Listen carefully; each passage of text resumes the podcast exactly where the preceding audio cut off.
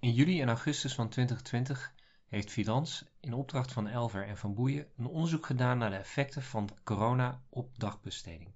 Het is natuurlijk een hele heftige periode geweest voor mensen in de gehandicaptenzorg en beide instellingen waren heel erg benieuwd hoe hun bewoners, hun medewerkers en verwanten die periode ervaren hebben.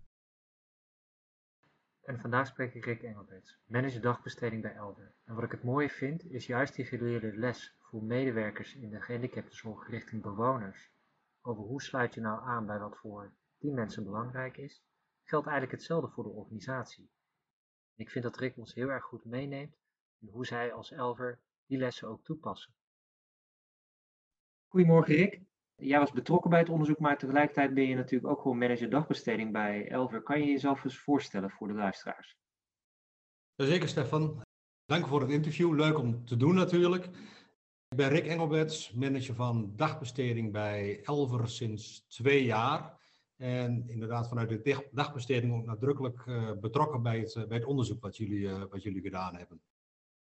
Ik denk voor iedereen, dus ik, volgens mij 16 maart 2020, zo'n datum dat bij iedereen denk ik gegrift is in de geheugen, dat we met z'n allen in, ja, eigenlijk in shock gingen in lockdown. En toen was het bij jullie denk ik bij Elver ook gelijk, net zoals bij heel veel instellingen, dat jullie ook moesten kiezen rondom die dagbesteding, om die dagbesteding te sluiten en alles terug naar de woning toe te brengen, toch? Ja, dat, dat klopt. We hebben de, de zondagmiddag uh, als NT en een aantal aanvullende medewerkers bij elkaar gezeten, een select groepje. Daar de keuze gemaakt om, om dat te doen. Heel kort even doorgedacht van hoe gaan we dat doen? We besloten inderdaad dagbesteding dicht te doen en alle medewerkers vanuit de dagbesteding toe te voegen aan de formatie op de woningen. Daar hebben we een korte instructie gegeven hoe wij dachten welke groep het beste bij elkaar paste. En dat teruggelegd aan onze medewerkers op die zondagmiddag. En ik moet eerlijk zeggen, tot best wel met gepaste trots, dat binnen twee dagen dat, dat eigenlijk alles aan elkaar geknoopt was. En dat alles volledig eh, in die lockdown zat. Dat was fantastisch mooi om te zien dat het uh, zo snel ging en met, met zoveel energie. Ja, mooi. En ik kan ook aan iedereen bevestigen toen wij uh, als onderzoekers zeg maar, uh, bij jullie en bij Van Boeien binnenkwamen, dat ons ook, dat hebben we in, in de gehandicaptenzorg breed gezien, de energie wat er was om in zo'n moeilijke tijd aan de gang te gaan, was, ja, daar krijg je een warm gevoel van. Dat, dat kan me heel goed voorstellen dat je zegt met trots. Het zou ook geen makkelijke tijd zijn geweest voor medewerkers, en vooral die medewerkers dagbesteding. Want je bent manager van zo'n dagbesteding. Waar liep je dan tegenaan of wat viel je op dat mensen vooral, vooral last van hadden toen, uh, toen het ja, in één keer zo anders moest? In het begin is dat eigenlijk wel meegevallen. Vooral het, het, het vakmanschap, de betrokkenheid bij de cliënten, probleemoplossend denken, dat liep enorm goed. En ik denk de eerste periode viel het ook nog wel mee dat onze cliënten toch een beetje het vakantiegevoel hadden. Dat heeft zeker wel wat voordeel gegeven. Maar we hebben natuurlijk wel aan onze medewerkers dagbesteding gevraagd om eh, een complete switch te maken. Men had normaal de, de reguliere dag, dagdelen waar men aan het werk was. We hebben vooral in het begin gevraagd van probeer de diensten, ook de weekenddiensten en avonddiensten mee te vullen. Want mocht er op termijn toch een grote uitval zijn onder onze andere medewerkers, dan willen we wel graag dat jullie die diensten mee kunnen draaien.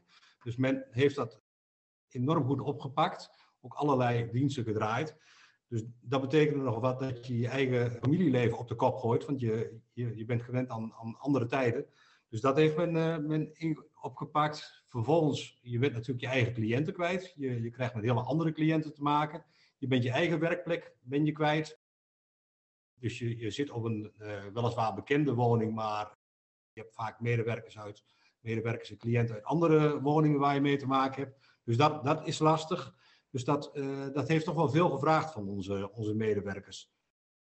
En ik kan me dus voorstellen dat je dus ook dus krijgt dat, uh, wat je zegt, hè, want nu natuurlijk achteraf, als we terugkijken, zien we natuurlijk dat die, die grote uitval onder medewerkers, dat dat relatief laag is geweest. Hè, maar dat, dat wisten we natuurlijk toen niet. Hè, dus we, het kon natuurlijk alle kanten op gaan. dus waardoor je eigenlijk dus ook veel onduidelijkheid bij hebt, hè, voor jullie als organisatie, maar ook voor de, voor de medewerkers. Van, hoe lang duurt dit nog, dit tijdelijke, hoe ga ik hiermee om? Dus dat kwamen we ook wel tegen als onderzoekers. En wat ik mooi vond om terug te, te horen, en ik ben benieuwd hoe jij dat ook ziet, is dat uh, dagbesteding heeft wel echt veel meer een prominente rol ook binnen de woning gekregen. Dus de zorgmedewerkers zijn wel dagbesteding wat beter gaan, gaan waarderen, heb ik het gevoel gekregen in dat proces. heb je dat ook gemerkt als, als manager van de dagbesteding? Ja, absoluut. Het waren niet echt twee werelden natuurlijk, maar men stond wel op enige afstand van elkaar. Maar ik moet ook zeggen, dat is wederzijds zo, uh, zo geweest. Dus zowel wonen heeft absoluut de dagbesteding beter leren waarderen, de uh, vakinhoudelijke kennis die ze meebrachten. En toen we uiteindelijk ook wat meer echte dagbesteding, programma op de woning gingen uh, inrichten, dat men daar zeer positief op reageerde. Maar andersom, ook het werken op de woning heeft ook wel weer nieuwe inzichten gebracht voor onze medewerkers. Dus dat werkt beide kanten uit. En wat we, wat we zelf ook wel nadrukkelijk gezien hebben, is dat dat stuk wederzijdse respect voor elkaar, dat dat zich vertaalde in de goede gesprekken over de cliënten. En dat van daaruit dat dat de cliënt ook ten goede kwam. Dat was mooi om te zien. Zo richting na de zomer kwamen natuurlijk al geluiden dat er wat versoepeling mogelijk zou zijn. En veel organisaties zijn natuurlijk best wel uh, wat meer zeg maar, sturend geweest in de periode daarvoor. Hè? Dus die, de, de autonomie die je misschien had opgebouwd in je organisatie bij teams, dat is vervangen door duidelijkheid, hè? wat mensen ook wilden, de richtlijnen ja, eh, waar je aan moest houden. En toen, toen dachten jullie op een gegeven moment van ja, maar we moeten nu ook wel weer zeg maar een keer mensen ook perspectief gaan bieden. En jullie hebben toen geloof ik een wegingskader hebben jullie toen gemaakt. Kan je wat daarover vertellen? Ja, jazeker. Misschien, misschien moeten we daarvoor eerst nog even een klein stukje terug. Toen wij half maart uh, dachten we gaan de dagbesteding aan de woning koppelen, dan is dat voor een maand of twee, hadden we stiekem ja. nog een beetje gedachten. Toen uiteindelijk in, in juni bleek van nou het duurt nog wat langer, hebben we gezegd dat dat duurt tot 1 oktober. Uh, en we hebben gezien dat we, dat we eigenlijk daarna nog een hele periode erachteraan kwam. En dat gaf ons ook wel de indruk van dit kunnen we op deze wijze met onze medewerkers, maar ook zeker voor onze cliënten kunnen we dat niet, uh, niet borgen. Dus wij moeten weer meer mogelijkheden zoeken. Dus in eerste instantie hebben wij vanuit de woningen gekeken van kunnen we toch een aantal dagbestedingslocaties weer gaan gebruiken van, vanuit de woning, vanuit die bubbel die we daar hebben. En dat liep redelijk. We zagen dat de cliënten daar, uh, daar zeker baat bij hadden. En zelfs cliënten waarvan wij in eerste instantie dachten, de, de zeg maar echt verzorgingsintensieve, die toch al veel al voor de tijd op de woning zaten, dat die ook echt wel een uh, daar gebrek aan, uh, aan, aan, kregen. Dus dat, dat was mooi om te zien. Maar uiteindelijk uh, merkten we ook van, je kunt alles wel heel erg hiërarchisch vanuit het MT blijven sturen. Maar binnen Elven zijn zelfsturende teams. Dus we wilden heel graag ook daar ook de regie weer op de vloer terugleggen. En dat hebben we geprobeerd in dat wegingskader te doen, waarbij we hebben gezegd van nou, we laten niet de hele bubbel los, maar bepalen jullie zelf hoe ver jullie mogelijkheden zien binnen een aantal uh, richtlijnen. Je hebt de anderhalve meter als je toch groepen en, en ja. andere mensen met elkaar gaat mengen. Zorg dat je die anderhalve meter hebt. Zorg dat je de, aan de hygiënische voorwaarden voldoet. De mondkapjes, noem het allemaal maar op. Maar daarvan heb je een heel stuk eigen regie om dat weer in te gaan richten. En ik moet eerlijk zeggen dat vanaf september, oktober, dat dat op veel plekken gebeurd is en dat dat tot hele mooie resultaten heeft geleid. En eigenlijk over al die perioden dat we vanuit de dagbesteding nagenoeg geen besmettingen hebben, uh, hebben gekregen.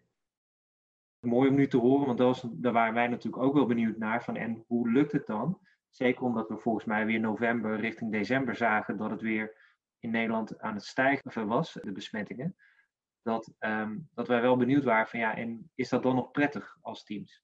Want wij hoorden ook wel van teams, Rick, ik weet niet of je dat herkennen nog, dat, dat ze wel zeiden van goh, eigenlijk zou ik graag autonomie terug willen.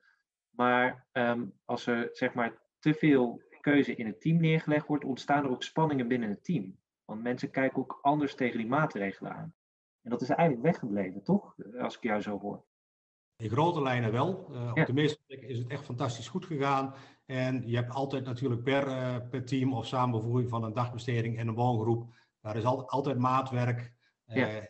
ja. uiteraard, we, we, hebben ook wel wat, wat, wat scherpe kantjes daarin gehad. Maar uiteindelijk met elkaar, dan moet je ook eerlijk in zijn, de cliënt staat centraal. Wat is het beste ja. voor de cliënt? En dat proberen wij continu voor, voor ogen te houden. En wa waar het dan, dan schuurt, daar uiteraard de goede gesprekken met elkaar. Daar hebben wij onze teamcoaches voor. Wat vooral belangrijk is, dat de teams de eigen regie weer hebben, dat, dat men er samen uitkomt. En, we zitten nu natuurlijk Rick, weer in, uh, in, in, eigenlijk in een lockdown met een avondklok. Hè? Dus mensen die dit misschien wat later terugluisteren, ook uh, waar, wanneer hebben we dit gesprek? Hè? Dus we zitten in, in februari van 2021. En vijf zeg maar, conclusies die jullie haalden uit dat onderzoek, daar, heb je me verteld, daar zijn jullie al aan de gang mee gegaan en, en, en daar zijn jullie ook mee bezig. Dan kan je daar wat over vertellen, over hoe jullie zeg maar, dat hebben kunnen, kunnen oppakken, die vijf punten? eigenlijk naar aanleiding van het rapport wat jullie gepubliceerd hebben, dat is zo'n beetje eind, uh, eind vorig jaar dan echt in volle, volle omvang binnengekomen. Daarvan was, was, was één hoofdconclusie, hebben wij daaruit gehaald. Dat is dat de dagbesteding van grote toegevoegde waarde voor het welzijn van de cliënt is. Ja. Dat hebben we ook echt zo in die afgelopen periode ervaren. En daar liggen een aantal subconclusies onder of adviezen waar we dan, zoals je zegt, uh, al mee aan de slag zijn gegaan. En ik kan ze wel even stuk voor stuk kan ik ze, kan ik ze doornemen. De, de eerste hebben we eigenlijk min of meer al, al besproken. Dat de, de, de samenvoeging en de betere communicatie en de waardering voor elkaars vakgebied tussen wonen en dagbesteding heeft geleid tot, uh, tot beter inzicht in het welzijn van de cliënten. En die willen we overeind houden. Dat is uit, uiteraard natuurlijk e-, even de vraag, hoe, hoe ga je dat dan faciliteren? We denken ja. dat deels in methodisch werken te, te gaan doen. Da, daar zijn we druk mee, uh, mee bezig. Dat is een eerste belangrijke conclusie. Een tweede uh, conclusie die wij daaruit halen is dat wij op, op teamniveau binnen de dagbesteding toch wel heel graag die orthopedagoog weer terug willen hebben. Dat is in een grijs verleden zo geweest. Dat is door de loop van jaren zijn de orthopedagogen aan de woningen toegevoegd. Maar dat heeft toch wel nadelige consequenties voor de dagbesteding. Dus daar zijn we over in gesprek. Hoe gaan wij dat weer inrichten met elkaar? Een volgende is dat wij hebben gemerkt dat wonen en dagbesteding zijn toch wel twee compleet verschillende vakken. En in de algemene opleidingen zie je tegenwoordig dat men heel veel over wonen leert. Hoe uh, vervullen wij onze zorghandeling? Wat doen we daar op de, op de juiste manier? Maar dat het vak dagbesteding daar een beetje onderbelicht geraakt is. Dus we gaan een uh, scholingsprogramma voor onze dagbestedingsmedewerkers op, uh, opzetten. Daar zijn we, hebben we nu de eerste stappen voor, voor gezet. En eigenlijk het laatste stuk van de conclusie is, voordat wij de dagbesteding dadelijk weer openen willen, is het goed om van elke cliënt een nieuwe beeldvorming te maken. We hebben natuurlijk gedurende de uh, lockdown, bijna een jaar geduurd heeft, hebben we toch ook weer heel veel nieuwe dingen geleerd van onze, van onze cliënten sommige plekken dat men daar echt achteruit ging, uh, omdat men niet, niet aan de ontwikkeling toekwam die men graag zou willen hebben. Maar op andere plekken hebben we ook eigenlijk wel weer gezien dat de cliënt enorm opbloeide in een andere omgeving. Iets wat, ze, wat we jaren daarvoor eigenlijk nooit zo geconstateerd hebben. Dus dan is het wel van belang om dat de PB'er van dagbesteding de goede gesprekken aangaat met de woongroep of de nieuwe begeleiders die de afgelopen tijd daar, uh, daarbij hebben gezeten. Om te kijken van hoe gaan wij opstarten en wat is dan de beste dagbestedingsplek daarvoor kan ook betekenen dat een cliënt misschien een aantal dagen meer thuis, uh, thuis blijft of uh, op een andere dagbestedingsplek plaatsneemt.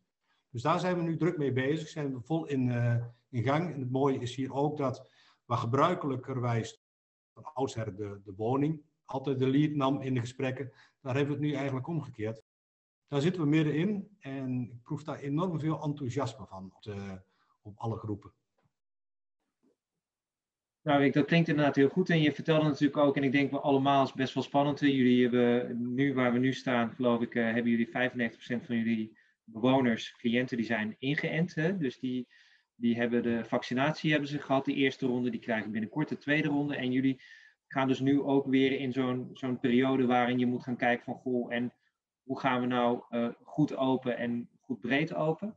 En deze punten die je nu noemt, die, uh, die, uh, die hoop je ook dat die zeg maar, kunnen gaan blijven zorgen dat jullie medewerkers op de locatie met de bewoners en in verbinding met hun verwanten ja, uh, in deze lastige tijd die zinvolle dagbesteding ook kunnen gaan vormgeven, toch? Ja, dat klopt. Dus het, het, het past eigenlijk bijna naadloos op elkaar dat we enerzijds zeggen dat we die beeldvorming nu aan het doen zijn en tegelijkertijd zien we meer mogelijkheden om dagbesteding verder te, te openen. Dus de, de, de cliënten hebben bijna die tweede vaccinatie. Dan heb je hooguit inderdaad nog een aantal extramurale cliënten waarvan het nog wel spannend is wanneer zij dat krijgen. Maar ook hier geldt dat wegingskader weer, de regie die, uh, die bij de groepen ligt, om dit zelf op een goede wijze in te vullen. Dus we kijken met veel vertrouwen die toekomst tegemoet, Stefan. Mooi, nou echt goed om te horen. En, en zou er nog een, uh, een, een tip zijn wat je hebt voor, voor uh, collega-managers in andere instellingen? Als je zegt van nou, goh, weet je, dit zou je graag mee willen geven? Wat mij het afgelopen jaar echt opgevallen is, is de professionaliteit en, en de inzet van alle medewerkers uh, die, die hieraan echt, echt hun steentje bijgedragen hebben. Eigenlijk niet, niet dat je dat, dat niet verwacht, maar met, met, met zoveel, uh, zoveel energie. Verschrikkelijk mooi om te zien. En ook wel enorm veel zin om, om nu weer op te starten. Dus uh, ja, geef, geef, ze het handvat en het, het gaat goed komen. Benieuwd naar meer? Luister dan naar andere afleveringen uit deze reeks. Heb je zelf een ervaring of een verhaal dat je graag wilt delen? Neem dan contact met ons op.